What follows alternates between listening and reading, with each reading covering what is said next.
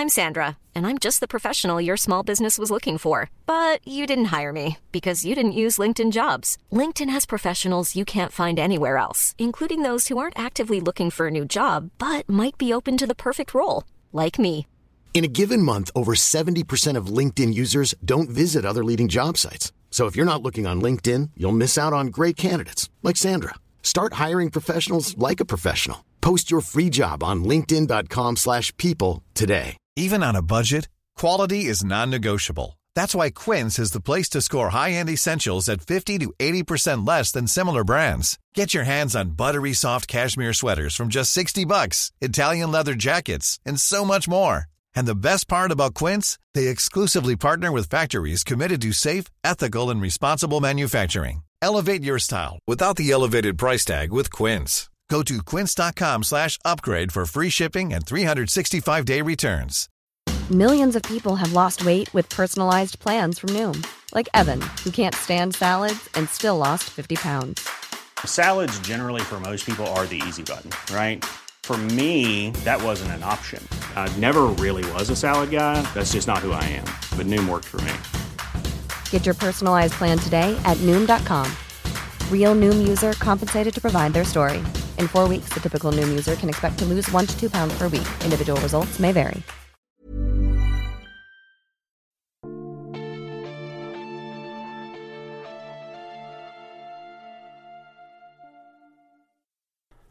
Välkomna till Sagan om Isfolket-podden avsnitt 59 De värnlösa. Jag heter Dan och med mig har jag Anna. Hej Anna! Hej Dan! Hej! Hej! Åh, vad vi är värnlösa och rädda och övergivna och lite förvirrade. Ja, så känner jag ungefär också. Ja, apropå en konstsak. Säger vi de värnlösa eller de värnlösa? Jag eh, tog mig friheten att använda talspråk. Vi använder talspråk. Det här är förvirrande för mig. Jag tycker alltid det här är lika svårt. Ja, men då slipper vi tänka på aktiva objekt och dativa objekt. Du pratar om väldigt mycket grammatiska saker och jag är inte med dig alls. Men absolut, vi kör ablativ också. Faktum är att jag har som regel alla poddar att alltid säga dom istället för de eller dem. Jag är osäker på hur jag har gjort. Jag tror jag har gjort en vild blandning. Eftersom det är ganska svårt och jag har ganska mycket manusförfattare och de inte alltid gör rätt där. Plus att man kommer undan med, man talar ju och det är talspråk så att det fungerar. Typ. Talspråk är väldigt logiskt i och med att vi faktiskt kör en podd. Och jag är väldigt glad att vi kör talspråk för att så mycket formler som vi har stött på i den här boken. Jag är så förvirrad. och jag vill gräva ner mig i hebreiska Moseböcker och allting. För holy fuck, nu, nu tar vi oss till magi. Ja, vi gör ju det. Och eh, mm, några komplicerade plotter. Väldigt komplicerade plotter som jag inte riktigt såg komma alls. Nej, och det känns ju som att det är en bra Margit-historia invävd i en bok som försöker föra den stora plotten vidare också. Ja, och jag tänkte först när jag tog upp boken att det här är en typisk mellanbok. Men jag kan inte säga att det är en mellanbok heller. För den faller inte riktigt in i den traditionella mellanboksgrejen. Det känns väldigt mycket som en bok som försöker göra två helt olika saker. Ja. Ska vi börja från början? Ska vi börja från början? Och var börjar vi någonstans egentligen? Vart är vi? Vi är i... Vi är på Theresenhof. Mm. Och vi har eh, Teresa som ju är kär i Erling men oj oj. Allt, all hjärtsmärta på en och samma gång. Men jag älskar det här för det är faktiskt fint och jag var faktiskt tvungen att gå tillbaka lite grann och läsa om hur Tiril och Moritz kärlekshistoria utvecklar sig. Och jag säger att hur Teresa och Erling bygger upp sin historia, den klingar mycket bättre hos mig. För jag får veta vad de känner, vad båda känner. Åh. Ja men den är ju jättefin. Margit Ja, är ju bra på att skriva sånt här. Ja, men jag hade inte väntat mig detta så här sent i berättelsen på ett sätt. Nej, det har pågått ett ganska bra tag nu väl också. Ja, några böcker känns som. Och ja, alltså jag tycker om Teresa så mycket. Och nu börjar Villeman och Taran bli utklasserade som riktiga karaktärer. Ja, det börjar de verkligen. Det här är ju deras bok för första gången. Ja. Där de är huvudpersoner. Och jag får säga att om jag drar en parallell till Isfolket så är det här ett, ett annorlunda grepp som man använder att hon faktiskt låter alla karaktärerna i familjen få ordentligt med plats. För i Isfolket så ofta det så här att det är fokus på en person, lite fokus på de andra syskonen i skaran men inte jättemycket. Till exempel om man tänker eh, Ares söner, Tarjei Brand och eh, så har jag tappat den sistas namn. Ja, du vet. Ja. Du måste säga brand annars råkar du illa ut. Brand. Men här så är det liksom, vi, jag var beredd på att det skulle vara helt fokus på Dolg och Taran och Willeman skulle vara anonyma. Och som säger, det här är ju Taran och Willemans bok. Nu håller jag ju på att titta på Stranger Things säsong 3 men jag hade väldigt mycket vibbar av Stranger Things i den här boken. Oj! Då kan man ju fråga sig, har Stranger Things kollat på Isfolket och, eller inte på Isfolket, har Stranger Things kollat på Häxmästaren och tyckt att det här tar, konceptet tar vi? Just den här boken också, de bara Häxmästaren bok 7. Ja, det hade varit intressant om de gjort det, men jag tror att möjligheterna är väldigt små. Men det här är lite Stranger Things 1700-tal. Ja, och det är jättebra. På sina ställen. På sina ställen. Sen finns det vissa saker i boken som är lite underliga. Ja, och jag tänker vi går in på dem mer då. Men vi börjar på Teresenhof och sen hoppar vi ju rakt in i en klassisk flashback. Ja, verkligen. Du- Jättelång flashback. ja, som går hela vägen tillbaka till bok, bok nummer fem. Där vi igen är, Mori får svärd genom kroppen, allt är misär och ångest. Och vi får hans tankar och vi är dödens rike. Eller vart vi nu än är, i någon jävla grotta. Ja, plötsligt blir det ju extrem high fantasy här. Det här är, känns som nattens demon. Det är plötsligt få reda på vad som händer alla människor efter döden. Ja, Margit har ju löst detta med himmel och helvete. Och vad som händer. Och jag är jätteförvirrad för nu, har, nu säger hon igen att himmel och helvete är ett, ett, ett mänskligt påfund. Det finns bara det stora ljuset. Och jag bara såhär, men nu blir det väldigt komplicerat här för en väldigt liten hjärna som, på min som läste det här sent på natten. Ja, det finns det stora ljuset och sen finns den här konstiga grottan där ena delen är häxmästare som är fast och andra delen är en massa eh, lustfyllda kvinnor som är fast. Ja, Och sen kommer det interdimensionella aliens i taket. Och så finns Ja. det ett hål. Eh, och så har vi en dödsängel. En dödsängel. Ja, och hålet leder ner till någonting som är eh, otäckt jämfört med ljuset där man kan vara. Eh, och sen finns det en hemlig ingång i hålet till ljuset också. Och sen kommer en dödsängel som vägrar vara en dödsängel men alla ändå säger en dödsängel. Ja, och då är frågan om himlet är ett mänskligt påfund, hur kommer änglakonceptet in? Och vad... Jag tolkar att det här är ju liksom någon form av helvete. Ja men det här, det här är väl skärselden i någon mening. Det är en grotta, det är skuggornas rike, det är någon mellanstation. Ja, det är en klagokör. Eller till hålets botten som är någonting annat. Eh, och dödsängeln säger faktiskt att den inte är en dödsängel men det går säkert att tänka på den som det. Men det jag funderade på hela tiden här. Är vi i isfolkets värld eller är vi inte det? Stämmer det här med vad vi lärde oss i isfolket? Det tog mig jättelång tid. Alltså jag bollade så mycket tankar om detta när jag läste. Och jag kan säga att jag vet inte. Det som stämde väldigt väl tyckte jag var eh, det här med reinkarnationen. Ja, Att man reinkarneras och slutstationen är ljuset. Men precis innan man kommer till ljuset så är det bara, nah, du måste vara hjälpare åt någon. Då undrar jag hur det matchar ihop då. För att bara, om bara de som nästan är färdigreinkarnerade, det verkar ju ta ett tag att bli färdigreinkarnerad. Det är de som kan vara hjälpare. Finns det verkligen tillräckligt många hjälpare då åt alla som lever? Det är det som jag inte riktigt vet. Och sen när vi jämför det med isfolkets värld. Ja men vi kan konstatera att isfolkets andra lydde under helt andra regler. Ja men de var ju också i någon mellanstadie så de kanske, det kanske finns flera sådana här mellanstationer där man eh, Så att de var också, de hade inte gått till ljuset utan de, de var kvar på grund av förbannelsen Ja precis, jag tror förbannelsen är liksom det här loophole som gjorde att isfolket fick någon slags egen speciell avdelning. Men även där var ju det här med reinkarnationer. Vi såg liksom att många isfolket har ju bevisligen reinkarnerats. Till exempel, ja men, titta på Tova, Hallkatasol. Vi vet att det här med reinkarnation är en grej. Men som du säger, finns det tillräckligt med hjälpare åt alla i så fall? och, Men reinkarnationen matchar ju väldigt bra med isfolket Ja. Men jag undrar lite om man då kommer till det stora ljuset I och för sig ingen i isfolket kanske kom till det stora ljuset, inte ens de som inte var drabbade För i Demonernas fjäll kommer ju alla tillbaka Precis. Och då kan de rimligtvis inte vara i ljuset. Eller det går att komma tillbaka från ljuset. Det verkar inte så. Det verkar ju vara slutstationen. Nej precis, för jag menar om vi tittar på häxmässan då, Moris far, Hadrangi Mori, kan ju bevisligen komma tillbaka för att han är en gengångare som är fast i det här skärselden. Helga, Moris mor, kan inte komma tillbaka. Nej, men hon var ju med här. Ja, fast det var ju för att hon typ tog ett steg utanför ljuset för att välkomna honom in. Men hon kan ju liksom det. inte resa ner till jorden och vara aktiv hjälp i hans liv.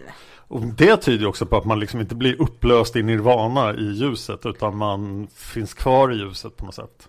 Precis. Och det får ju mig liksom att tänka på också gengångare som har liksom drabbats av olyckliga slut. För det, det har vi ju i den här boken.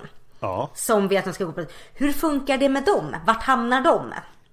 ja men det, det tycker jag de definierar lite grann. Att har man någonting som inte är klart då blir man en gengångare. Och sen måste man lösa sin gengångarproblem innan man får hamna i reinkarnationssnurran igen.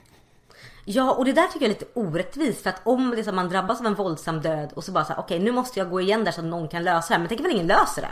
Ja, då får man eh, spöka i all evighet. Ja, och det är det. Hur kan det med alla de här oväntade aspekterna finnas tillräckligt med människor för att faktiskt bli hjälpare? För det borde inte finnas. Jag vill se ett flödesschema. Ja, Men tänk Gud. om man faktiskt kan vara hjälpare hos flera stycken. Då går det att lösa. ja då går det att lösa. Men det verkar ju så. Det verkar inte vara så. Det verkar som alla hjälpare är dedikerade till en person. Så vitt jag får, har fått det här. Om inte jag får det här helt om bakfoten.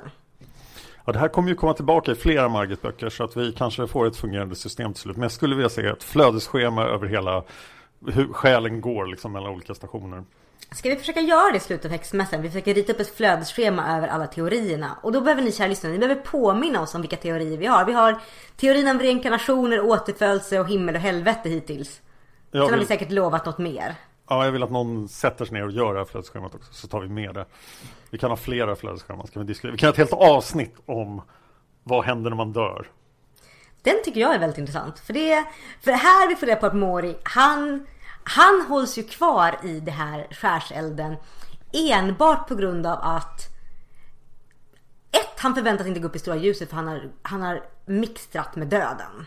Ja, Två, han får till så stanna i skärselden utan att gå någon annanstans eller utan att komma vidare till ljuset eller ner i dödsriket eller upp i häxmänniskor för att de vill se om det här kan funka. ja. Ja, det är så här man bara... Så, så det här är ett experiment. Ja, Det måste vara väldigt tråkigt att vara dödsängel. Ja, jättetråkigt. Och, och med, med grejen är så här, jag tror Imor har ju väldigt mycket hjälp av andarna här. Men här tycker jag det är kul att faktiskt se andarna lite hjälpa. För de kan hela hans kropp och typ jobba med att typ, okej men gå, don't follow the light Mori, don't follow the light. Men annars sitter de där så här, hopp. Ja, om det här går på röven är vi arbetslösa. Ja, då får vi gå tillbaka till kören eller vart vi nu ska. Ja, sysslolöshet för all evighet. Och jag, jag vet att vi, du och jag är inte riktigt ett fan av Anders Garn alls. Nej. Men jag tycker det är kul att faktiskt se dem lite sårbara. För i förra boken framstod det mest som vi har ingen koll på vad vi gör eller vem vi än tar in i vår klubb. Men nu är det faktiskt så här, ja vi är ju arbetslösa, vad- då, då är det kört för oss. Jag undrar vad som gäller för då vattnet och luftens andar. För de verkar ha en massa andra saker att göra också. Ja, fast de verkar inte sköta dem. Nej, hur faller deras liksom, befattningsbeskrivningar samman med till exempel eh, de här elementarandarna i isfolket? Ja gud, jag, jag vill inte ens gå dit alltså. För det känns som att så här, vad är det nu? Jag är vattnets ande, jag sköter allt vattnet. Okej, men nu är det ju uppenbarligen liksom har ett frilanskontrakt med att du ska passa över den här häxmästaren. Japp, så det går alltså före. Japp, okej. Men det som störde mig allra mest i hela den här episoden i den här grottan var det konstiga uttalandet om självmord. Ja, tack! Vad var det? Jag har ingen aning. Det kändes så otroligt kastat upp från ingenstans. Just det här ingen människa som begår självmord kommer att liksom, de kommer hamna i en reinkarnation där de aldrig någonsin tänker på självmord. Jag bara, va? Ja, kan de ta livet av sig sen då i, generation, eh, i reinkarnation 2 efter sitt självmord? De, Ja. de har en självmordsgaranti att de slipper det en reinkarnation, men sen är, kan det vara dags igen. Ja, och det känns som ett sånt jädra straff för allt de ville fly från får de om igen på nytt. Så jag bara, Så det jag tolkar som att de får leva samma miserabla liv igen. Bara att de inte, in, tanken på att de begår självmord faller de inte in. Så de blir bara straffade igen. Jag är inte säker på att de får lika miserabelt igen. Det känns ju som ett nytt slumpmässigt liv som kan Ja, gå hur som helst. Jag tolkar det som när dödsängen, nu har jag boken uppe. Ja, De tvingas bara återuppleva eländet en gång till. Allt de ville fly från får de om igen på nytt. okej så det är ett straff. Det var Ja! extra olämpligt. Eller hur? Och jag kände bara att hela mitt inre rullade ihop sig och bara typ vred sig i någon slags plåga för det var så mycket moralism i det här. Ja. Och jag tyckte det var en dålig moralism som inte alls passade in. Nej, det kändes väldigt onödigt. Och självmord är ju ett enormt samhällsproblem. Ja. Det är vad jag vet ungefär 1500 personer om året. Vilket Ja. som tar livet av sig i Sverige. Och det är fler än tio gånger fler än de som blir mördade. Ja, och det kändes väldigt olikt Margaret att gå in och moralisera över detta. Och jag tror inte det var meningen heller överhuvudtaget. Men av alla diskussioner som Mori, denna hyfsat öppensinnade människa, som ändå haft en djup dödslängtan, tycker att han ska ta upp med dödsängen är, men vad händer med de som begår självmord? Ja. Det har ingen plats i den här boken. Nej. Och, ja. Det, det berörde mig illa. Ja, det berörde mig väldigt illa också. Så att det var så här. Det, det kändes... Och det kändes inte... Det jobbiga var att det kändes inte som berättarrösten heller. Nej. Det kändes bara väldigt konstigt. Ja, otroligt märkligt. Ja. Annars så om, om så just Moris lilla sejour i dödsriket där. Jag, jag tycker att Margit gör en väldigt bra grej med att hon liksom så här, ja det har gått mycket längre tid än vad det än vad Mori känner det som. För att det hade kunnat bli väldigt långdraget detta. Ja. En annan sak som stör mig här lite är, och det är inte bara Mori utan det går igenom hela boken att eh, Tiril saknas ju. Och, Ja. och det har också blivit lite för utdraget. Men det känns som att de glömmer henne mer och mer. Det finns några pliktskyldiga påminnelser. Så här, just det, vi måste rädda Tiril. Men det känns inte på riktigt på något sätt. Det känns bara som författaren påminner oss om att Tiril är borta. Men det är inga så här och det här borde jag berätta för Tiril. Nej, hon är borta liksom. Och, så här, och ingenting om hur hanterar vi Tirils frånvaro i vardagen på Theresenhof eller något så här, utan det är bara så här, det här är nästa plottpunkt men den hinner vi inte med just nu. Jag är väldigt glad att du tar upp detta för jag hade exakt samma känslor. Och det finns ju olika sätt att hantera såna här, såna här eh, liksom när folk försvinner eller saknas eller utsätts för akut livsfara. Men att alla är så här, ja ja, och så tar vi hand om det. Men äventyr! Jag bara, men alltså på riktigt hörni. Och det kan ju bero lite på, återigen, andarna. Att det finns två andar hos Tiril. Så att de vet att här, hon lever, hon är okej. Liksom. Och det förtar ju också en stor del av spänningen från den plottpunkten. Ja, en jättestor del av spänningen. Och jag tycker det närmaste vi kommer liksom när att de på Thereserna faktiskt säger att det här är, vi måste tänka bara det är när Teresa säger så här "Tir- Tiril är min dotter och hon är faktiskt Willemans och Tarans mor också. Men det är ju bara för att de ska få följa med på äventyr som hon tar upp det. Så jag bara så här. Okej, för det är alldeles bara så här. Vi måste få liv i Mori. Ja, nu har vi fått det. Ja men bra, då tar vi lite lugnt så åker vi tillbaka till Theresia och får chilla innan vi beger oss ut på nästa grej. Man bara, ja fast alltså. Nog för att andarna är med, men alltså de vet att de kan, kan de hindra kan de aktivt hindra folk från att döda Tiril? Det kan de ju inte, det vet ni Det vet ju Mori om. Ja. Det känns lite som att Tirils spelare inte kom till det här spelmötet. Exakt så. Och det känns som att spelarna bara, kom ihåg att ni har faktiskt en vän som håller på att dö och som är rätt viktig för plotten som varit huvudperson i de typ tre, fyra första böckerna. Just det. Den lilla detaljen. Men jag är lite besviken på det. Och framförallt så spelar det här in på liksom så här. Margit är duktig i den här boken att ta in så här att ja men Teresa får gå hemma och liksom för att hon är kvinna och liknande och liksom, jag tycker om att Margit tar upp det. Men att Tiril saknas och det inte är en större grej och det blir så här väldigt mycket damsel in distress som du säger plotline som måste lösas. Och jag tycker inte om det. Nej. Apropå damsel in distress så reagerar jag på en grej senare i boken men jag ska försöka komma ihåg den. Yes. Så, men Mori är där i dödsriket. Allting är dåligt och miserabelt. Också den ansatt av de här begärets och lustans, I, don't, I really don't know. Det, det här kändes för övrigt också som Stranger Things där när de zoomar ut och liksom världen försvinner och man är i det där svarta utrymmet. Det var Mm. väldigt mycket den här grottan. Ja, och grottan är väldigt kul. Vill säga, en, en kul sak jag tyckte med grottan var faktiskt att vi fick träffa häxmästarnas kör.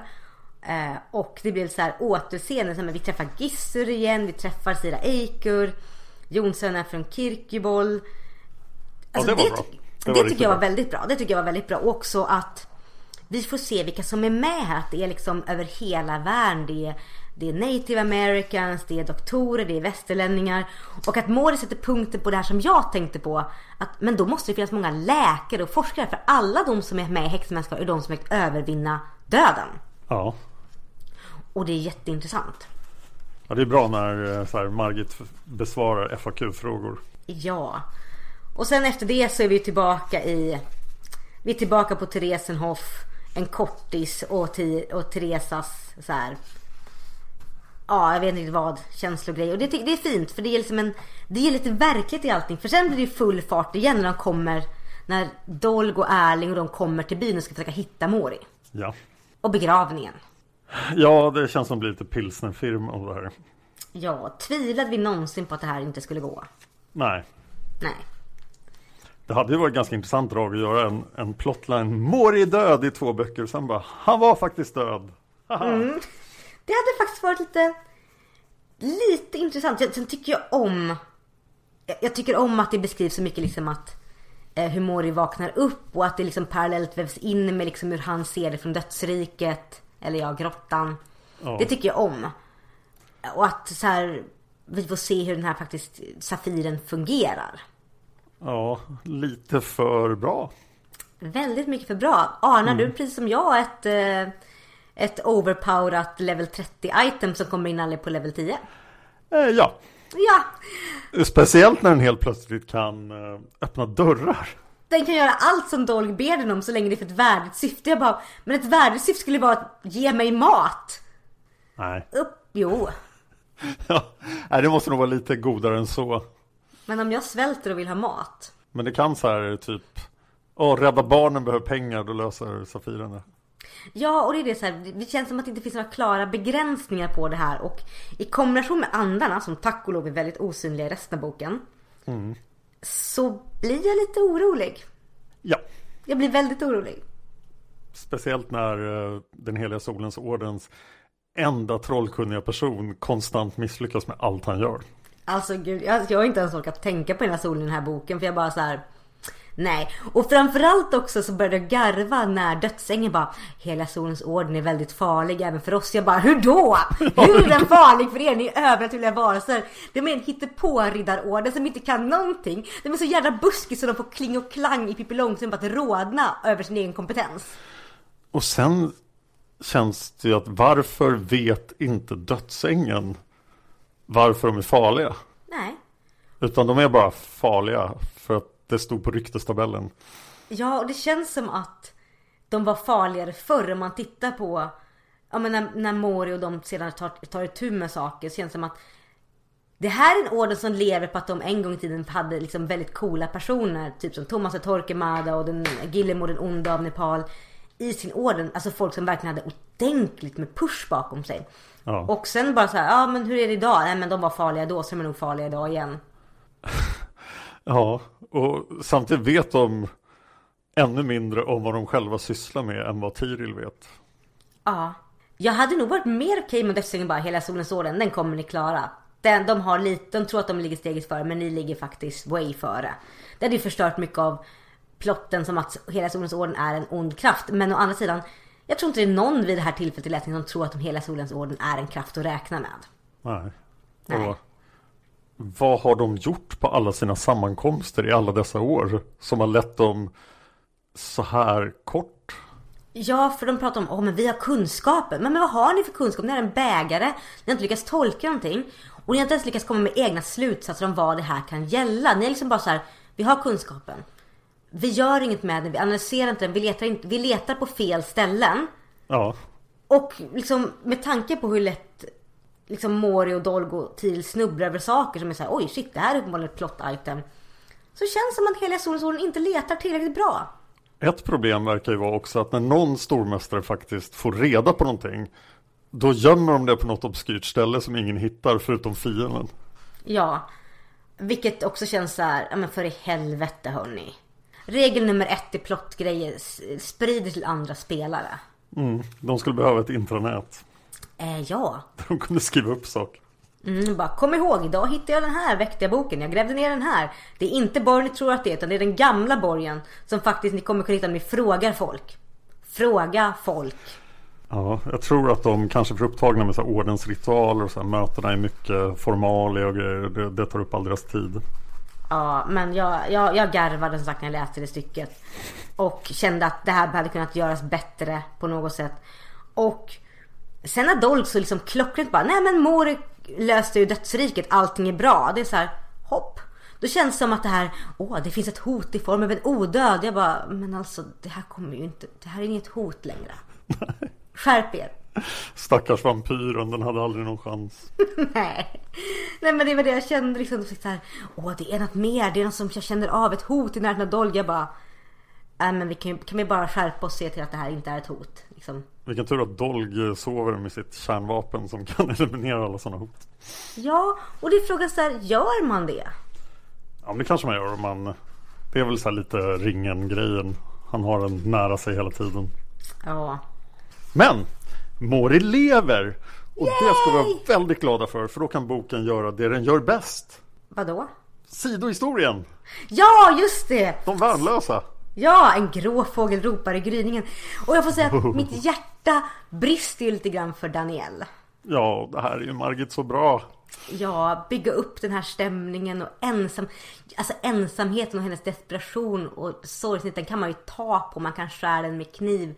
Det är så finstämt. En tv-serieavsnitt som började med det här. Mm.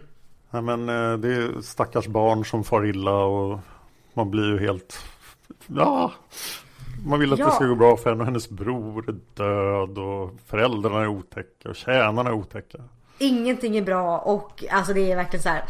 Nej men det är ju kört liksom. Man vill ju verkligen så här att ja, det här, det, det blir bra.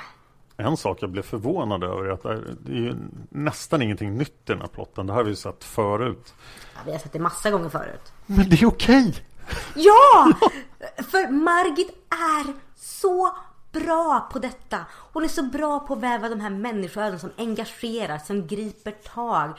Och så när, så när vi, vi får ju Daniels lilla historia och sen så blir det så här, ja. Eh, sen, sen blir det ju liksom verkligen så här att ja, sidospår på Theresenhof och de utplånar de här tavlorna och sen så ska de ut igen och hitta hitta liksom, hitta Tiril. Och så jag bara så här, men det är klart de kommer stanna här vid Daniel. Jag har ingenting emot detta. Jag vill att de stannar här för jag vill se vad det här tar vägen.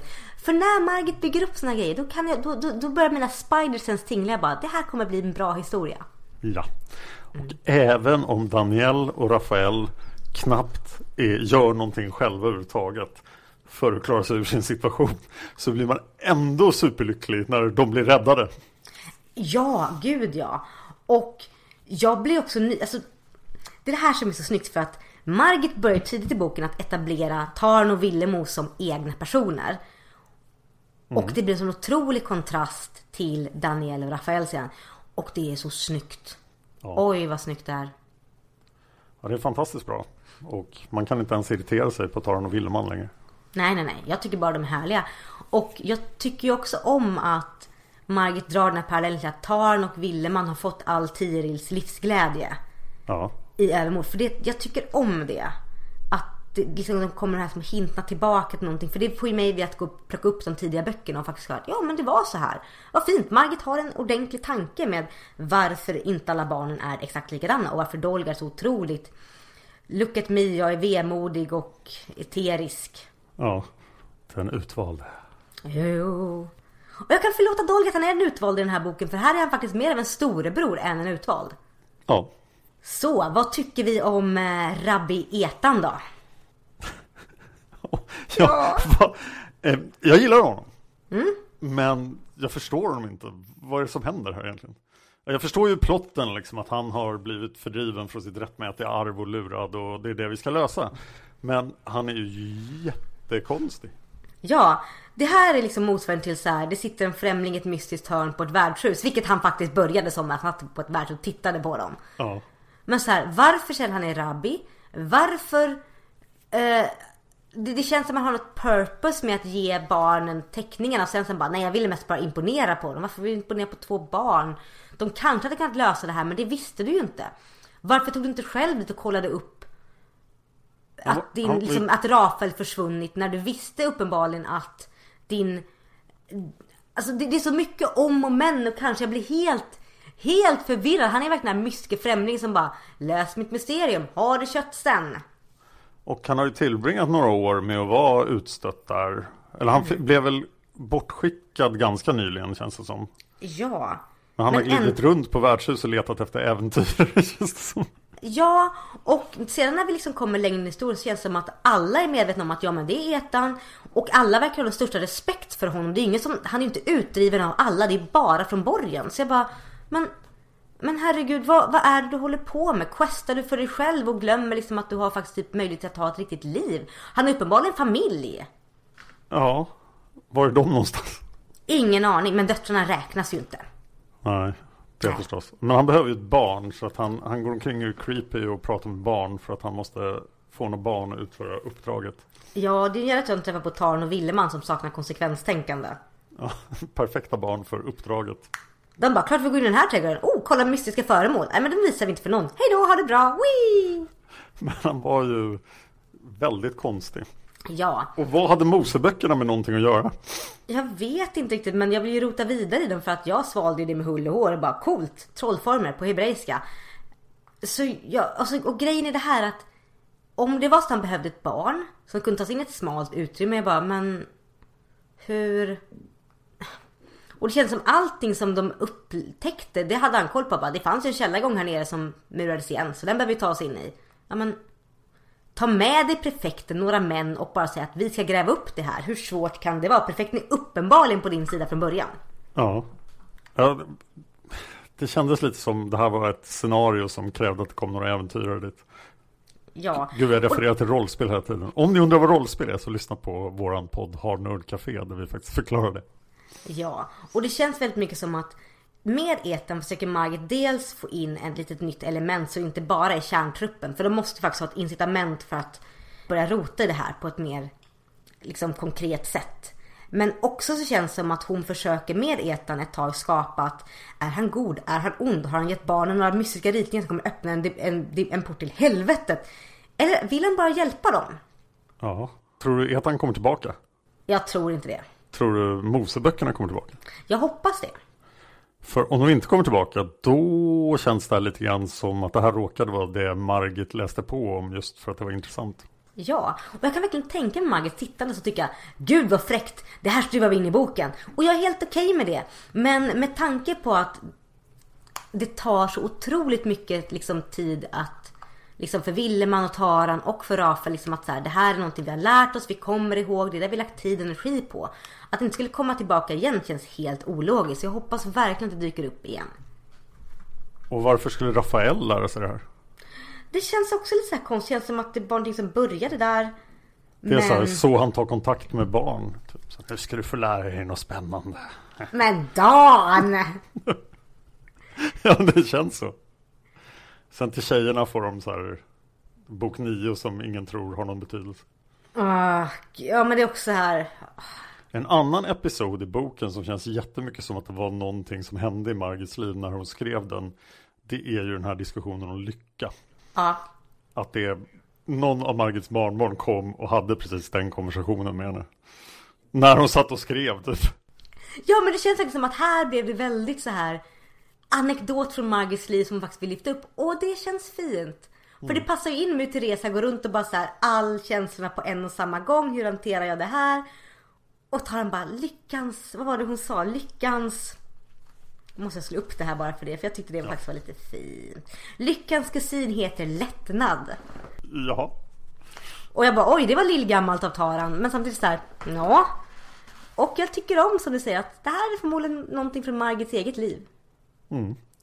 Ja, vi går vidare i handlingen. Var är vi någonstans? De inser liksom att okej, barnen och Teresa fick ju följa med på den här turen, det är bra. Men nu måste de hitta de här körsvennarna, alltså de som tillfångatog Tiril, knuffade Erling inför ett stup och kivade Mori, alltså knivhögg, nej svärdshögg Mori i Ja. magen. Men då kan de inte ta med sig barnen. Så då lämnar han barnen hos Teresas eh, folk hon känner löst. Eh, Deras, som är Vrinebusch på i Feldkirch. Ja, men innan vi kommer dit så är det en passage i boken som jag tycker är ganska talande för häxmästaren så här långt. Okej, hit it. För här, nu ska vi ge oss av. Eh, och jag läser från sid 106.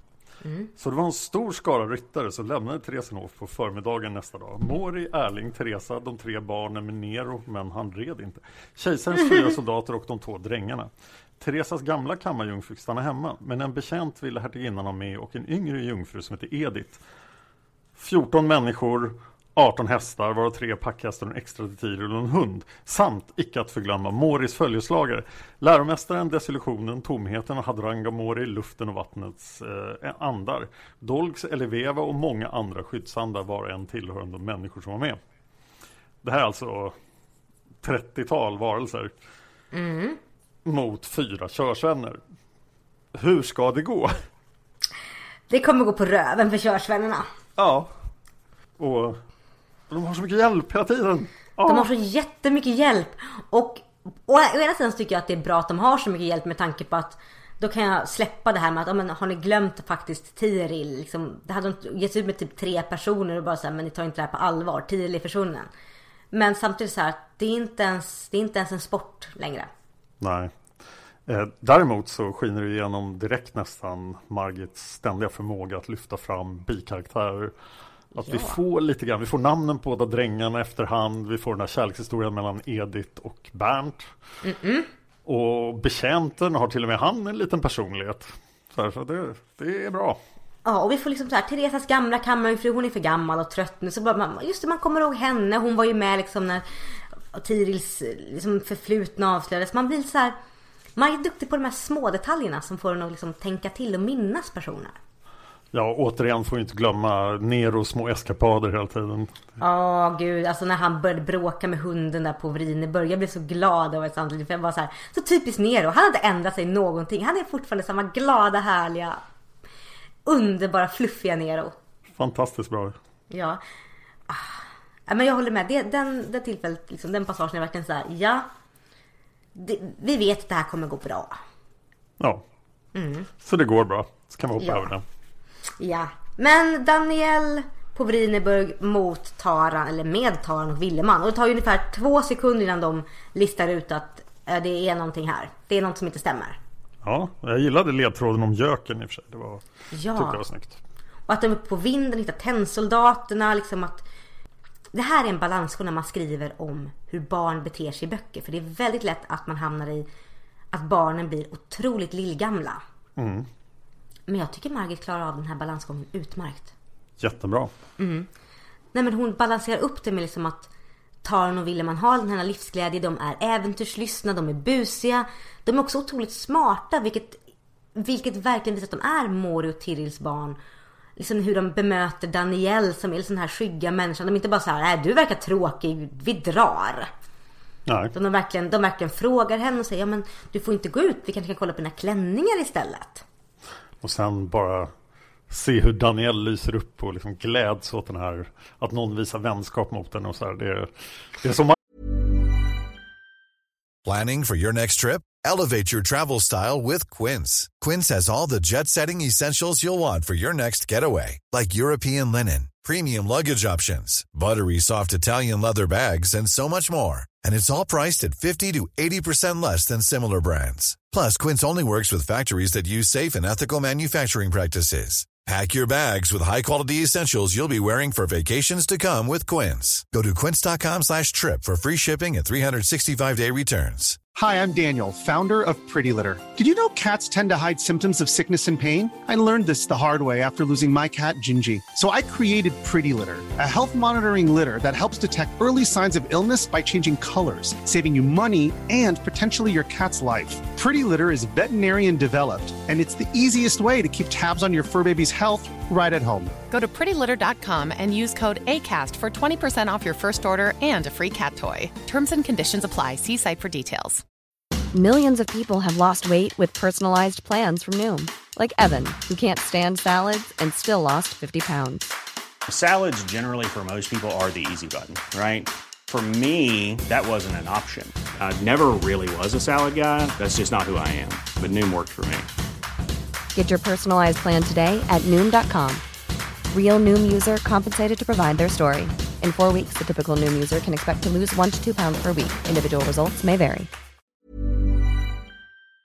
Margit. Det är som Margit och mitt hjärta går sönder för jag bara älskar lilla Gabrielle. Och när betjänten kommer in och slår henne. Jag bara, men din betjäntjävel du ska dö i ett hav av arsenik. Jag har Ja. väldigt svårt för det där. Väldigt svårt. Ja, Skurkarna är också ganska typiskt Margit. Alla fyra. Jag ska inte liksom, vi har sett skurkarna förut. Och jag tänker inte ens gå in och säga att det här har vi sett, ja men vi har sett det här förut, de är inte jättebra. Jag menar vi har sett det här i Tirils föräldrar, vi har sett det i flera andra Isfolket böcker. Liksom den onde, onde betjänten och den onda shallow kammarjungfrun mademoiselle som inte bryr sig. Jag hoppades i det längsta att eh, föräldrarna faktiskt inte visste att Rafael levde. Ja, För då hade de blivit mycket gråare. ja. Eller så här, i alla fall, jag hade kanske så här ett plot twist. Mamman spärrade in Rafael. Eh, men eh, då baronen visste inte om det. Ja, eller tvärtom. Ja, det hade, alltså oavsett, det hade varit en otrolig plot twist. Och som sagt, det hade gjort dem lite gråare, lite mer nyanserade och framförallt hade det varit något nytt. Ja, det hade räckt med tre sandemoiska skurkar i huset. Men det var, alla var sandemoiska skurkar. Ja. Och det enda som gör att jag har överseende med det är att Tarn och Willeman är jättebra. Ja. Och att det faktiskt... åh, och alltså som säger, ledtråden om göken. Jag fick gåshud. Jag är lite besviken på att och Willman inte fick lösa det här helt. Utan att Dolg vände tillbaka och sen bara Safiren löser allting. Ja, men sen hade de, alltså vad löste Safiren? Löste att de fick loss Rafael. Ja, Eh, och det hade de inte klart annars. nej. Men sen höll han sig väldigt mycket i bakgrunden. Ja, det stämmer i och för sig. Mm, han, det var ju det här, han är mer storebror än den utvalde. Han bara så här, nej men vi gör det här och så tar vi oss in och sådär. Och sen fick ju de, Tarn och Villemo fick ju lösa museet. De fick vara de som eh, stöttade eh, Rafael när han fick sitt sammanbrott och också prata om allt som hade hänt. Så en, det enda som hade gjort det bättre var att, liksom typ att Willeman bara Nej men de där nycklarna De tog jag från betjänten när jag sprang förbi för jag tyckte han verkade som en rövhatt så jag tog hans grejer. Så. Men det spelar ingen roll för Margit har beskrivit Daniels och Rafaels elände så väl att man bara blir lycklig över att de faktiskt får komma bort från den här situationen. Ja, och jag kan inte riktigt smälta hur mycket de har ljugit för båda barnen. Daniel sa att Rafael är död och Rafael sa att Daniel var död. Jag bara, men alltså på riktigt! Ja, det kändes verkligen onödigt grymt. Ja, för det här är inte bara att de straffar Rafael fysiskt, de verkligen de mentalt torterar honom med att tro att hans älskade lilla syster är död. Ja, Och samma sak med Daniel. Det är så här, man bara ni förtjänar att brinna i en speciell typ av det icke-existerande helvete vi tror kanske finns någonstans i Margits värld. och sen vad jag förstår då så höll de Rafael vid liv för att de behövde honom som uh, arvtagare. Ja, och hur hade de tänkt att det skulle gå till? Ja, hur bra skulle han vara som arvtagare efter att ha blivit traumatiserad hela sin uppväxt? Ja, och det känns faktiskt som den bleka eftertankens, eller den kranka bleka, ja. Det känns verkligen som en dålig eftertanke. De går på att just det, vi behöver ju faktiskt honom. För tekniskt sett det hade varit mycket lättare att bara döda honom. Alltså Ja. på riktigt. Och hur ska de göra det? De har ju sagt att han är död. Ska de bara plocka fram honom igen och bara åh tada, han var visst inte död. Han lever igen, hurra! Ja. Nej, jag förstår inte det här. Men det är typiskt Margit-skurken. De är inte de smartaste knivarna i lådan. Nej, de var riktigt urusla. Ja. Prefekten har vi den klassiska polismannen som kommer in och eh, är ganska okej. Ja.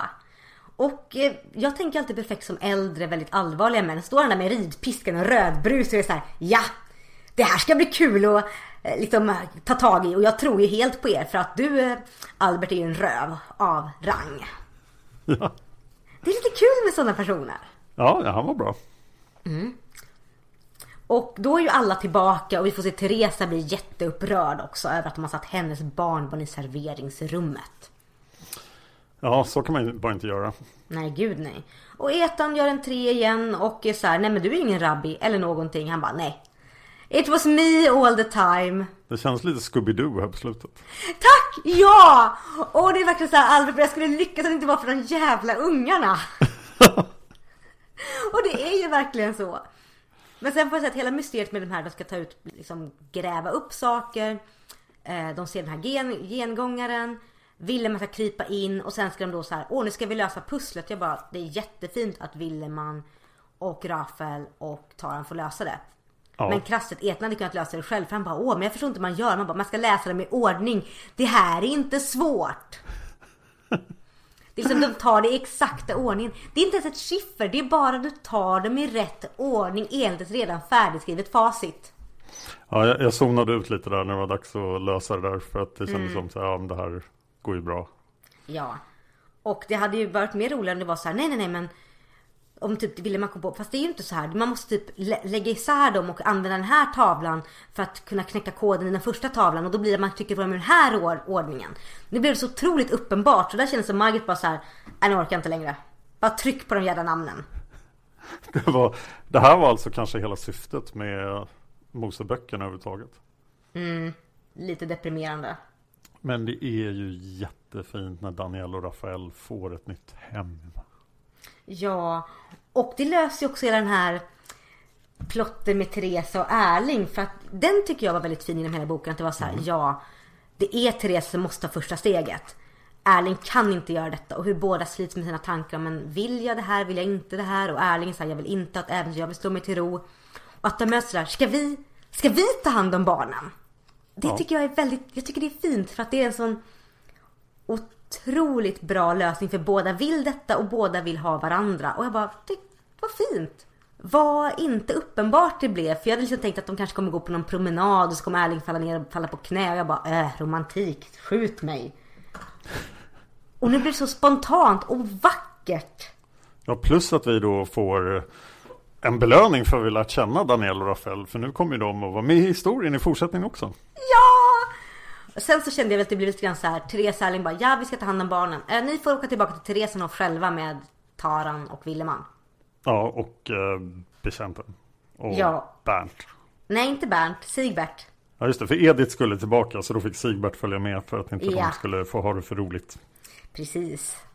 Eh, Men det, jag, jag tycker det är en väldigt fin passage överlag. Och sen löser vi hela mysteriet med Vrineburg. Vi vet liksom att Daniels och Rafaels föräldrar var riktiga korkade människor och ja. Det är så här, vi vet att det kommer lösa de kommer få sina straff. Etan blev arvtagare till godset, han blev lycklig och fick sin belöning för att ha hängt runt på värdshuset i flera år. Och vad har vi då kvar? Tiril! Ja just det, jävla Tiril. Tiril är borta! Den lilla detaljen att deras mamma och dotter är borta och förmodligen kommer dö. Just det, men hon har ju fått sällskap. Av Heinrich Rose von Gera. Ja, det gillar jag. Ja, de har liksom någon slags boundad så här. Det är vi i den här misären. Och här avslöjas det saker för Tiril som vi inte får veta. Ja, Det var ett intressant drag. väldigt intressant drag. Men det känns liksom också som att den sista delen i boken, för boken är indelad i fyra delar. Den sista delen som är på alltså typ 10 sidor. Nej, knappt. Ja, 10 sidor. Och ungefär fem av dem ägnas Tiril. Ja, Och det blir ju cliffhanger på cliffhanger här. ja verkligen. Eh, Jag eh, hade ju inte läst klart den här boken eh, med god framförhållning. Så jag läste de sista bitarna i morse för mitt, min stackars dotter. Oj. Och hon tyckte det var måttligt roligt men hon var tvungen att äta frukost och var i närheten. Så jag Så hon läste kunde, högt. inte, hon kunde inte fly helt enkelt. Nej, men hon blev... Hon tyckte det var riktigt bra på slutet där. Oj, oj, oj. Och sen när det helt plötsligt slutade med kardinalens garde stramade tyglarna och väntade. Ja, Och så satt hon bara och tittade på mig och tyckte, men sen då? Det är slut där, det är en cliffhanger. Hon bara, nej. och jag kan också tänka mig när den här boken, när häxmästaren gavs ut i liksom hyfsad liksom regelbunden takt. Att det här var det jag fick. Jag måste vänta kanske två, tre månader, ett halvår på nästa bok. Alltså alla ni som kollar på nu, nu är det inte fyra körsvänner, nu är det 20 gardister. Men jag ger inte dem någon större chans att klara sig heller. Nej men de har fått order om att döda, ta saker. Och sen också av den andra cliffhangern. Att herr Lorenzo har kommit till borgen där tidigare hålls fången. Ja, den var ju lite mindre värd. Lite mindre värd men fortfarande så här att det känns som att hade det inte varit för att de haft alla otroligt många andar och hjälpare hade jag känt att nu börjar tiden rinna ut. Nu får ni snabba på. Hade det inte varit för att Lorenzo redan har framstått som en pajas så hade det varit lite läskigt. Den lilla detaljen ja, den lilla lilla detaljen. Ja, men det här bakhållet är jag ju inte jätteoroad över heller. Nej, inte jag heller. Jag tror att de kommer klara sig ur det hur bra som helst. Och framförallt Ja men alltså det finns ingenting som talar för dem. Det skulle vara ifall de hade någon jävla magisk cirkel som de inte kan stiga över. Men å andra sidan så är ju helt naturväsen så de bryr sig inte om magiregler heller. Nej, så att eh, stackars gardister, jag hoppas de inte dör. Jag tror de kommer dö allihopa. Nej, jag tror de kommer att bli bortskrämda eller något. Ja. Men kardinalen ligger ju riktigt risigt till. Han har ju verkligen placerat sig i ett dåligt läge. Ja verkligen. Så att eh, en, en gissning, eftersom jag inte alls kommer ihåg vad som händer. Eh, så tror jag att det här är eh, Lorenzos chans att ta över. Att kardinalen Ja. går åt här. Och det hade jag inte haft någonting emot faktiskt. Nej, förutom att han, eh, han är en ännu sämre skurk. Ja, men å andra sidan i valet mellan pest eller kolera ser jag inte att vi kan bli bättre med någonting om kardinalen sitter kvar eller kardinalen försvinner. För det är så här. äh, det är värdelösa personer oavsett. Kardinalen kan ju en massa magi och det kan inte Lorenzo. Men eh, han misslyckas med sin magi hela tiden. Så det kanske är lika bra att någon försöker lösa det här på ett världsligt sätt istället. Ja, alltså det, jag blev så besviken på kardinalen för när han dök upp så kändes han ändå läskig och han kunde magi. Jag kände bara, men ja, och sen så bara nej. Han kan ingenting. Det är så, det är så Scooby-Doo över allting. Mm, han är inte Tengilronde. Nej. Saknar Tengil Onde. Ja, Vem kunde tro det? ja det, det är svårt att tro. Men överlag. De värnlösa. Inte en mellanbok. Nej, Men vad är den? Jag upptäckte just att vi faktiskt har en möjlighet att betygsätta böckerna på vårt forum som ni hittar på isfolket.se. Klicka på Sagan om Isfolket forum. Går ni in på underforumet som heter eh, Häxmästaren? Ja, det ligger under Margit Sandemo mer än bara Isfolket. Och där finns Häxmästaren. Där finns det betygstrådar för alla böcker. Så att nu tycker jag ni ska gå in och betygsätta. För det är inte många som har gjort det. Nej. Betygsätta alla Häxmästaren-böcker. Så kan vi ha en diskussion om vilken bok som faktiskt är bäst. Ja, och det kommer vi ta när alla böckerna, när vi har gått igenom hela Häxmästaren, så kommer vi ta Exakt. den här diskussionen om varf, vem som är bäst och inte. Och det finns också en massa andra poll. Det finns en poll vem ni tycker mest om i serien. Det finns en poll om vilken kvinna är bäst i Häxmästaren, vilken man är bäst. Eh, Det finns väldigt mycket. Det finns också en tråd jag hittade nu som heter Katarine, varför är hon med? Finns det en tråd som heter Har ni glömt vilken bok som är vilken? Kolla här! Ja, det finns frågor, det finns hur mycket som helst. Det finns eh, nya framsidor. Oj, en tråd för nya framsidor. De började göra nya framsidor med X-mässan. Detta var från 2010. Det finns Oj, oj, oj. spoilers också i trådnamnen. Så var försiktig. Ja, men jag rekommenderar, vi kommer posta ut den här eh, länken till forumet på vår Facebook-sida, Salamisfolket-podden. Men vi rekommenderar, gå in där, lämna era åsikter om pollen, engagera er i trådarna. För det här gör ju våra dagar lite bättre. Ja, och jag har betygsatt den här boken på Oj. forumet. Vilket jag inte hade gjort tidigare. Det har inte jag gjort. Eh, Och jag gav jag- den betyg 6 av 10. Den får en sexa av mig också. Rimligt. Oj! Oj! Oj. Det, det var oväntat. Ja, så är det. Ja, om ni undrar vad vi ojar över, gå in och kolla på pollen om den värnlösa så får vi se vad det var som gav oss lite så här, vad är det som händer nu? Men sagt, vi kommer gå igenom allt detta när vi har gått igenom Häxmästaren och det är ju inte många böcker kvar för till skillnad från Sagan om Isfolket är denna bara 15 böcker och det här var bok nummer 7. Så nästa gång passerar vi halvvägsmärket. Woho! Och boken heter Ritten mot väster. Och vi har förstås frågat er vad ni tyckte om den här boken. Ja, och frågorna vi ställde var vad tyckte du om boken? Vilka är dina favoritögonblick? Och vilken är din favoritkaraktär? Och första svaret kommer från Magnus Vandraren som säger Jag tycker boken var rätt bra. Mysteriet med Daniel och Rafael var bra. Favoritögonblick är när Dolg väcker upp Mori när alla tror att han är död. Favoritperson?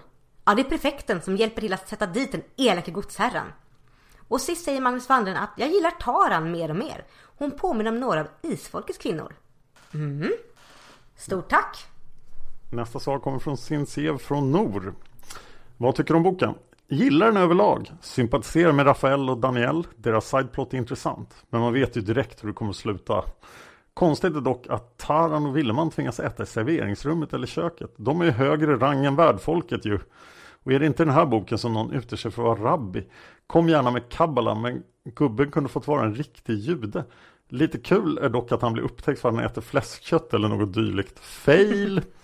Sen så är det Mori som uppenbarligen skulle klara sig.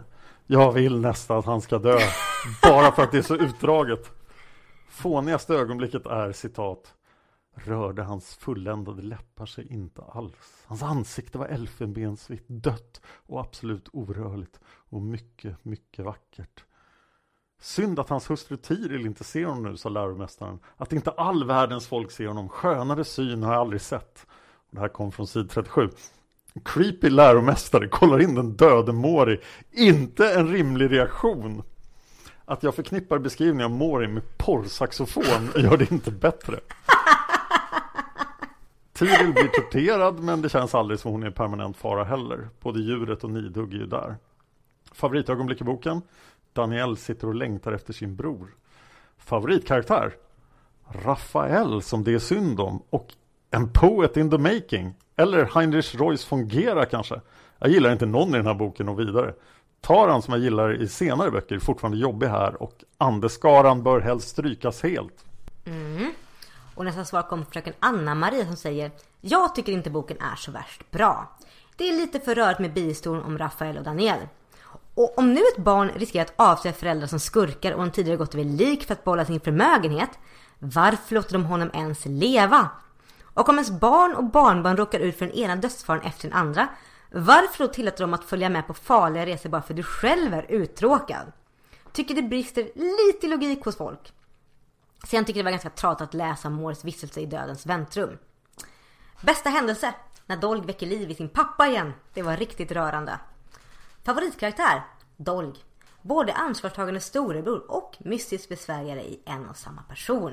Sen har vi fått ett svar från Silje Arngrimsdatter. Som säger, vad tyckte du om boken? Också en bra bok till trots, trots att stora delar av den är lite sidospår. Men bra att också de mer vanliga karaktärerna får sin tid i rampljuset. Och bra att Therese och Erling till slut kommer på hur det är med deras känslor. Jag gillar humorn och förståelsen eh, i blickarna Erling och Mori utväxlar. När det, är, när det är klart för Mori att Erling och Teresa blir ett par. Mm. Favoritögonblick i boken. När Dolg väcker upp Mori, det är rörande. Nu när Margit inte är med oss längre är det lite extra intressant att läsa om Moris upplevelse i dödens förgård. Man får en uh, aning om hur Margit själv tänker runt döden. Det har inte jag tänkt på, nu blir jag jätterörd. Ja, jag blir också jätterörd. Hopp, okej. Okay. Uh, eh, ja, fortsätt du Dan. Uh, jag gillar introduktionen av Daniel. Margit kan verkligen introducera nya karaktärer på ett sätt som väcker både intresse och sympati. Favoritkaraktär Dolg eller Willeman tror jag. Och Nero. Övrigt. Det är möjligt att ha något, någonting med tidshopp i handlingar. Men jag undrar varför inte Tiril får veta att Erling och Mori överlevt när hon har djuret och Nidögg hos sig. Och de verkar inte kunna prata med henne. Nej, och de verkar inte kunna prata med resten av Andeskaren heller. Det känns som att de är stationerade där, de kan inte flytta på sig. Ja, men de har kunnat berätta att hon är, att de är hos henne. Ja, men de verkar inte ha någon kontakt med resten av Andeskaran. Mm. Nej. Den är intressant, den får vi dyka djupare i. Vi har också en reflektion från Rexy. Ja, Rexy! Hon har skrivit en reflektion över alla böcker i Häxmästaren. Så att på forumet kan ni även hitta då för bok nummer 1 till 6. Men nu tänker jag läsa upp vad hon skrev om den här boken. Den här boken inleds med en stor tacksam suck när de hinner fram precis när det behövs. Jag blir alltid rätt matt vid det här läget och behöver alltid ta en liten minut för att andas ut och vara tacksam för att en av mina favoriter får vara med vidare i berättelsen. När Mori och familjen väl kommer hem för att sedan bege sig iväg för att rädda mamma Tiril är jag spänd. Vad kommer det finnas i den här boken? På något sätt känner jag mig faktiskt en konstig kombination av jättenöjd och totalbesviken. Boken känns som utfyllnad på något vis. På samma sätt är jag otroligt glad över att så här, världsliga problem kan drabba vår älskade häxmästarfamilj sådär rakt upp och ner. Nu pratar vi om en överklassfamilj där barnen uppfostras enligt sin tid. Ni ska inte synas, ni ska inte kännas av, ni ska bara hålla tyst och bli vuxna, typ. Men att lågadel skulle ens tänka tanken att behandla en hertiginnas barnbarn på så vis att de får äta i typ serveringsrummet istället för vid matsalsbordet. Jag ryser. Nåväl. Själva berättelsen om godsets barn som först är ett men visar sig vara två är rörande. Att Dolg väljer att komma tillbaka gillar jag med. Och, de befriar den till, och när de befriar den tillfångatagna får mig att fälla en liten tår. Men hur kan de inbilla sig att hans familj bara utan vidare skulle ta emot honom med öppna armar? Jag kan inte riktigt förstå att de två som vaktade skulle ta på sig skulden för att grabben måste sitta kedjad i ett rum. Då får jag inte riktigt att hänga ihop. Jag blir fylld av skadeglädje när allt rullas upp och godsherrens mordiska historia rullas fram. Samt att Erling och Teresa mer eller mindre beslutar sig för att gifta sig. Det var på tiden. Och ta till sig barnen. Allt var så mycket lättare så. De som ville sköta om barn och kunde ta dem till sig. Inget ansök och få avslag på grund av att man tagit två Cipralex för 20 år sedan gris. Det gillas. Jag gillar även att Margit nosar lite på den judiska magiska läran som förnekas så ofta överallt. Men på samma tid som jag är glad över dess alldeles världsliga lilla mysterier som barnen får uppleva, äntligen lite kul för dem med, känner mig lite grann besviken över den här boken. Jag vet inte riktigt varför. Jag kan inte riktigt sätta fingret på det. Men jag kanske väntar mig för mycket av hela serien. Att varje bok är bättre än den förra är en omöjlighet och jag får bara svälja att den här boken inte osar mystik och skrämsel. Mm, tack så jättemycket Rexi och vi kommer fortsätta läsa upp hennes recensioner i varje avsnitt från och med nu. Ja, och jag kom på en till sak om boken som jag tänkte nämna som mm. bara kändes märklig. Och det var just när, när Teresa och Erling omfamnar varandra. Så blir det så här, hans instinkt var att beskydda henne. Och hennes instinkt var att söka skydd hos honom. Blä. Ja. Blä. ja. Det hade kunnat... Uh... Det hade kunnat skrivas lite bättre. Alltså det hade kunnat göras lite bättre. För nu blir det bara så här. Orkar inte. Ja, det blev så här jättestereotypiska könsroller helt plötsligt. Ja, tack. Det blir så här. Åh, jag är en svag kvinna. Jag är en stark man. Och jag bara, men snark. 1700-talet ringde och tyckte att ni var bättre än så här. Ja, båda är ju starka personer. Ja! Och de har ju dragits till varandra för att de är starka personer de de är. Så jag bara, ska ni börja falla i könsrollerna nu? Och det här kanske är bokens ålder som märks. Den är från 92. Ja, fast jag sväljer inte det för Margit är duktig på det här ändå. Ja, men jag tycker nog att hon är väldigt duktig för sin tid. Men hon kan falla i fällor ibland. Det är sant. Oh, gud. Men det gör mig lite trött. Ja. Mm. Skulle jag titta efter iTunes-recensioner kanske? Ja. Eh, det här är ju verkligen den podd jag gör. Jag gör nio poddar, men ingen har sökt betyg på iTunes som den här. Så Tack så fantastiskt mycket för det. Mm, det är vi jätteglada över. Det är liksom det som jag är lite extra glad när vi faktiskt sitter och poddar. Att veta att ni tycker om det vi gör. Vi har inga nya iTunes-recensioner. Vi behöver iTunes-recensioner. Vi kommer att läsa dem i podden. Gå in på iTunes och ge oss en recension om ni lyssnar på ett, eh, en Apple-enhet. Mm. Sen kan jag också säga att vi finns ju numera på Spotify. Och yes. vi blir jätteglada om ni så mycket som ni kan sprider kunskapen om att vi faktiskt finns. Skicka Spotify-länkar till alla era vänner som läser Margit Sandemos böcker och eh, be dem lyssna på oss så blir vi jätteglada. Det har aldrig varit enklare faktiskt. Nej. Oh. Ja. Det var de värnlösa. Mm, men vi ska tacka några människor också som inte är så värnlösa. Och Nej. det är alla våra kära Patreons. Åh, tack! Sponsorer. Vi har ju en Patreon. Och vad är det Dan? Det är en, ett sätt att crowdfunda poddar och saker med återkommande innehåll. Lite som Kickstarter men för någonting som pågår, som den här podden. Så att ni går in på Patreon.com, söker på Isfolket, hittar Sagan om Isfolket-podden och där kan ni välja en summa ni donerar per avsnitt vi faktiskt gör. Så att när vi inte gör några avsnitt så dras inga pengar. Pengarna dras månaden efter så att det kan verka konstigt ibland men det beror på det. Och och eh, ja, en rimlig summa kanske är 2 dollar per avsnitt. Om vi kommer upp till 100 dollar och vi är inte långt ifrån så kommer vi fortsätta med Ljusets rike efter Häxmästaren och efter några mellanavsnitt där vi ska prata om eh, ja, bästa boken och vad vi nu kan hitta på. Mm. Vi är uppe i 85 dollar per avsnitt så Sprid gärna podden till de som ni känner och om de tycker det är bra läsning be att de går in på vår Patreon. Länken finns på vår Facebook-sida. Vi behöver alltså åtta personer till som lyssnar på den här podden och vill donera två dollar per avsnitt. Och det mm. tror jag vi ska göra för då får vi göra ljusets rika. Ja! Åh ja. Ja, vet du vad jag tänkte på i den här boken förresten? Nej. De, de pratar om ljuset. De ska komma till ljuset. Man kommer till ljuset när man dör. Ah, vad hette nästa serie? Ljusets rike. Mm. Jag var rädd att jag skulle snappa upp på det där. Jag bara hoppas inte någon snappar upp på detta för jag orkar inte. ah, gud. 20 gånger ska du sitta och prata med mig om ljusets rike. Det kommer bli så underbart. Jag kommer behöva så mycket gosedjur för att hantera den serien. Ja, det kanske förekommer gosedjur i den serien också. Åh oh, gud, nej jag vill inte. Åh oh, nej. Men vi ska tacka våra kära Patreons för vi älskar er för att ni sponsrar oss och oavsett vad jag tycker om musiken så är jag så glad för att ni faktiskt uppskattar vad vi gör. Så tack till Aidan L. Rydhammer, Alba Lundström Ramirez, Kim Andersson Sköld, Desiree Lindmark, Elin Lindqvist, Eva Martinsson, Glasögontönten, Hanna Eriksson, Hanna Naversjö, Ingrid Johansson, Yes, Julia Mason, Karin Källström, Kristina Hedgren, Magnus Rask, Maria Andersson, Maria Samuelsson, Marta Vio, Martina Roll, Medein Mona Elisabeth Austad, Monica Nyhus, Mystika Ferry, Petronella Thorén, Solveig Gudnadottir och Vierge Hard. Tack så jättemycket för att ni ser till att varje avsnitt faktiskt blir en underbar resa. Och jag måste påpeka och tacka lite extra för att det här gör verkligen skillnad för oss. För i mitt fall så är jag egenföretagare och lever på poddar sedan juli 2015. Och alla sådana här tillskott är otroligt värdefulla. Det, jag rekommenderar ingen att försöka leva på poddar men det gör skillnad. Och vad Anna sysslar med är nog bara Anna som vet. Men du är egenföretagare och har ett lapptäcke av olika sysselsättningar. Ja, jag har i dagsläget, nu ska vi se här.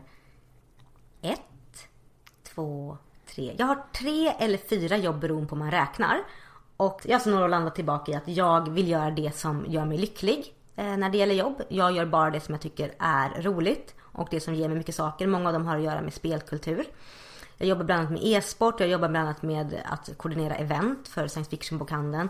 Och eh, det här är ett av mina jobb, så att göra poddar nu är faktiskt någonting jag avsätter tid för.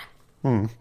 Så att för mig betyder det otroligt mycket också att ni sponsrar så jag kan faktiskt lägga den tiden med gott samvete. För det gör att jag slipper ta de här extra jobben för att faktiskt, eh, för att faktiskt kunna prioritera på podden. Ja, det är fantastiskt imponerande allt du gör. Jag är, jag, oj. och jag rekommenderar ingen att göra som jag gör. Alltså Dan, vi är ju sämst på det här. Vi har båda det vi älskar, men vi vill inte rekommendera någon att göra det. Nej, vi, vi jagar våra drömmar för att vi är obotliga drömmare. Men mm. eh, ja, det är ingenting man blir rik på om vi säger så. Gud nej, men vi har ju väldigt kul på vägen, eller hur? Det har vi ju. Och jag vill ju hemskt att vi ska podda mera. Så att jag hoppas att vi får utrymme för det. Ja, för vi har ju en annan podd också. Du pratade, nämnde den innan dagen. Den heter Hard Nerd Café. Yes. Och den är uppe och börjat rulla nu igen. Vi får hoppas komma ut med ett avsnitt i månaden. Och om ni vill lyssna på oss mer så gå jättegärna in och lyssna på oss. Och där har vi också en Patreon. Yes. Mm. Så gå gärna in på vår Facebook-sida Hardnerd Café. Gå in, lyssna på oss. Tycker ni om den så sponsra oss gärna. För då kan jag lägga mer tid på det. Och då kan jag också lägga mer tid på Isfolkspodden.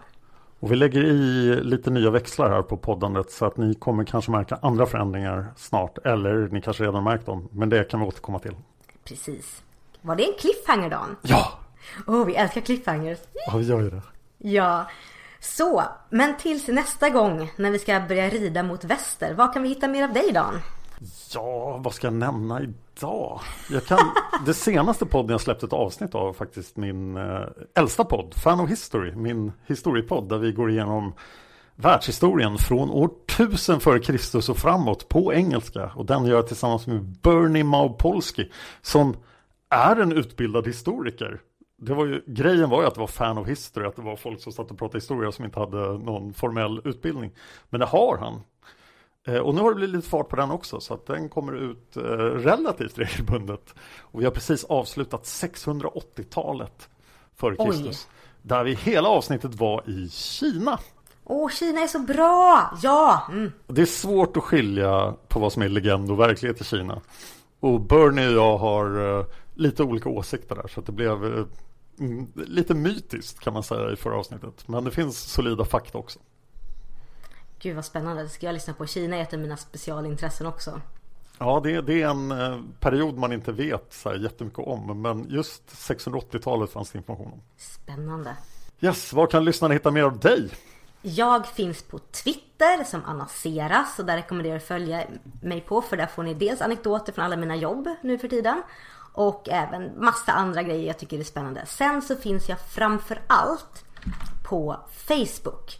Jag har en Facebook-sida som heter Setsunaseras. Den är offentlig. Där postar jag upp alla mina blogginlägg, mina YouTube-klipp från min YouTube-kanal, intressanta länkar, diskussionsgrejer, artiklar jag skrivit. Jag rekommenderar jättegärna att ni går in och följer mig där. Och jag har ju även en blogg som sagt, sunaseras.blogspot.se och där får ni gå in och läsa och se vad jag gör. Där postar jag allt ifrån analyser till vad som har hänt i mitt liv. Jag tror det var allt. Ja, jag måste också nämna Twitter Dan Horning, Facebook Dan Horning författare och poddare där och alla mina poddar har en egen Facebook-sida också. Men det viktiga idag är att följa mig på Instagram. Dan Hörning finns bara en på Instagram.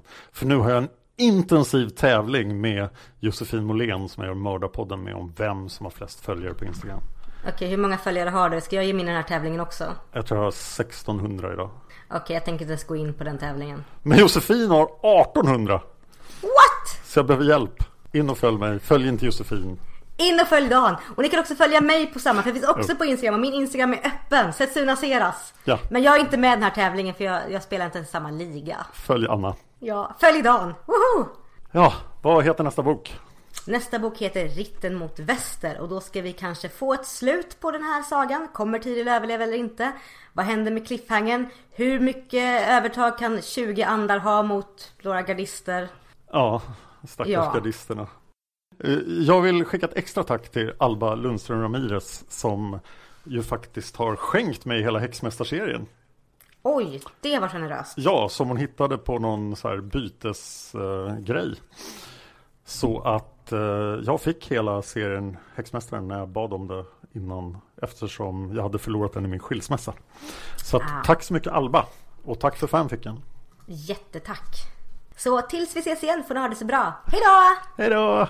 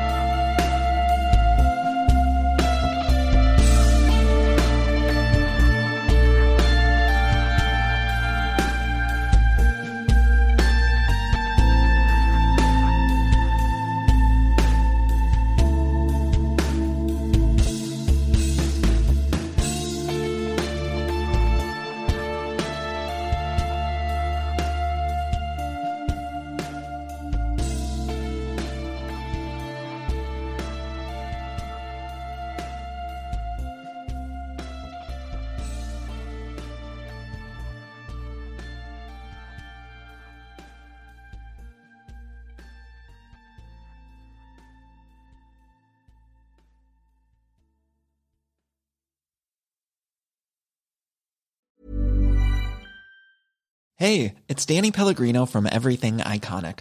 Ready to upgrade your style game without blowing your budget? Check out Quince. They've got all the good stuff shirts and polos, activewear, and fine leather goods, all at 50 to 80% less than other high end brands. And the best part? They're all about safe, ethical, and responsible manufacturing. Get that luxury vibe without the luxury price tag. Hit up quince.com slash upgrade for free shipping and 365 day returns on your next order. That's quince.com slash upgrade. Hi, I'm Daniel, founder of Pretty Litter. Did you know cats tend to hide symptoms of sickness and pain? I learned this the hard way after losing my cat, Gingy. So I created Pretty Litter, a health monitoring litter that helps detect early signs of illness by changing colors, saving you money and potentially your cat's life. Pretty Litter is veterinarian developed, and it's the easiest way to keep tabs on your fur baby's health right at home. Go to prettylitter.com and use code ACAST for 20% off your first order and a free cat toy. Terms and conditions apply. See site for details. When you make decisions for your company, you look for the no brainers. If you have a lot of mailing to do, stamps.com is the ultimate no brainer. Use the stamps.com mobile app to mail everything you need to keep your business running with up to 89% off USPS and UPS. Make the same no brainer decision as over 1 million other businesses with stamps.com. Use code PROGRAM for a special offer. That's stamps.com code PROGRAM.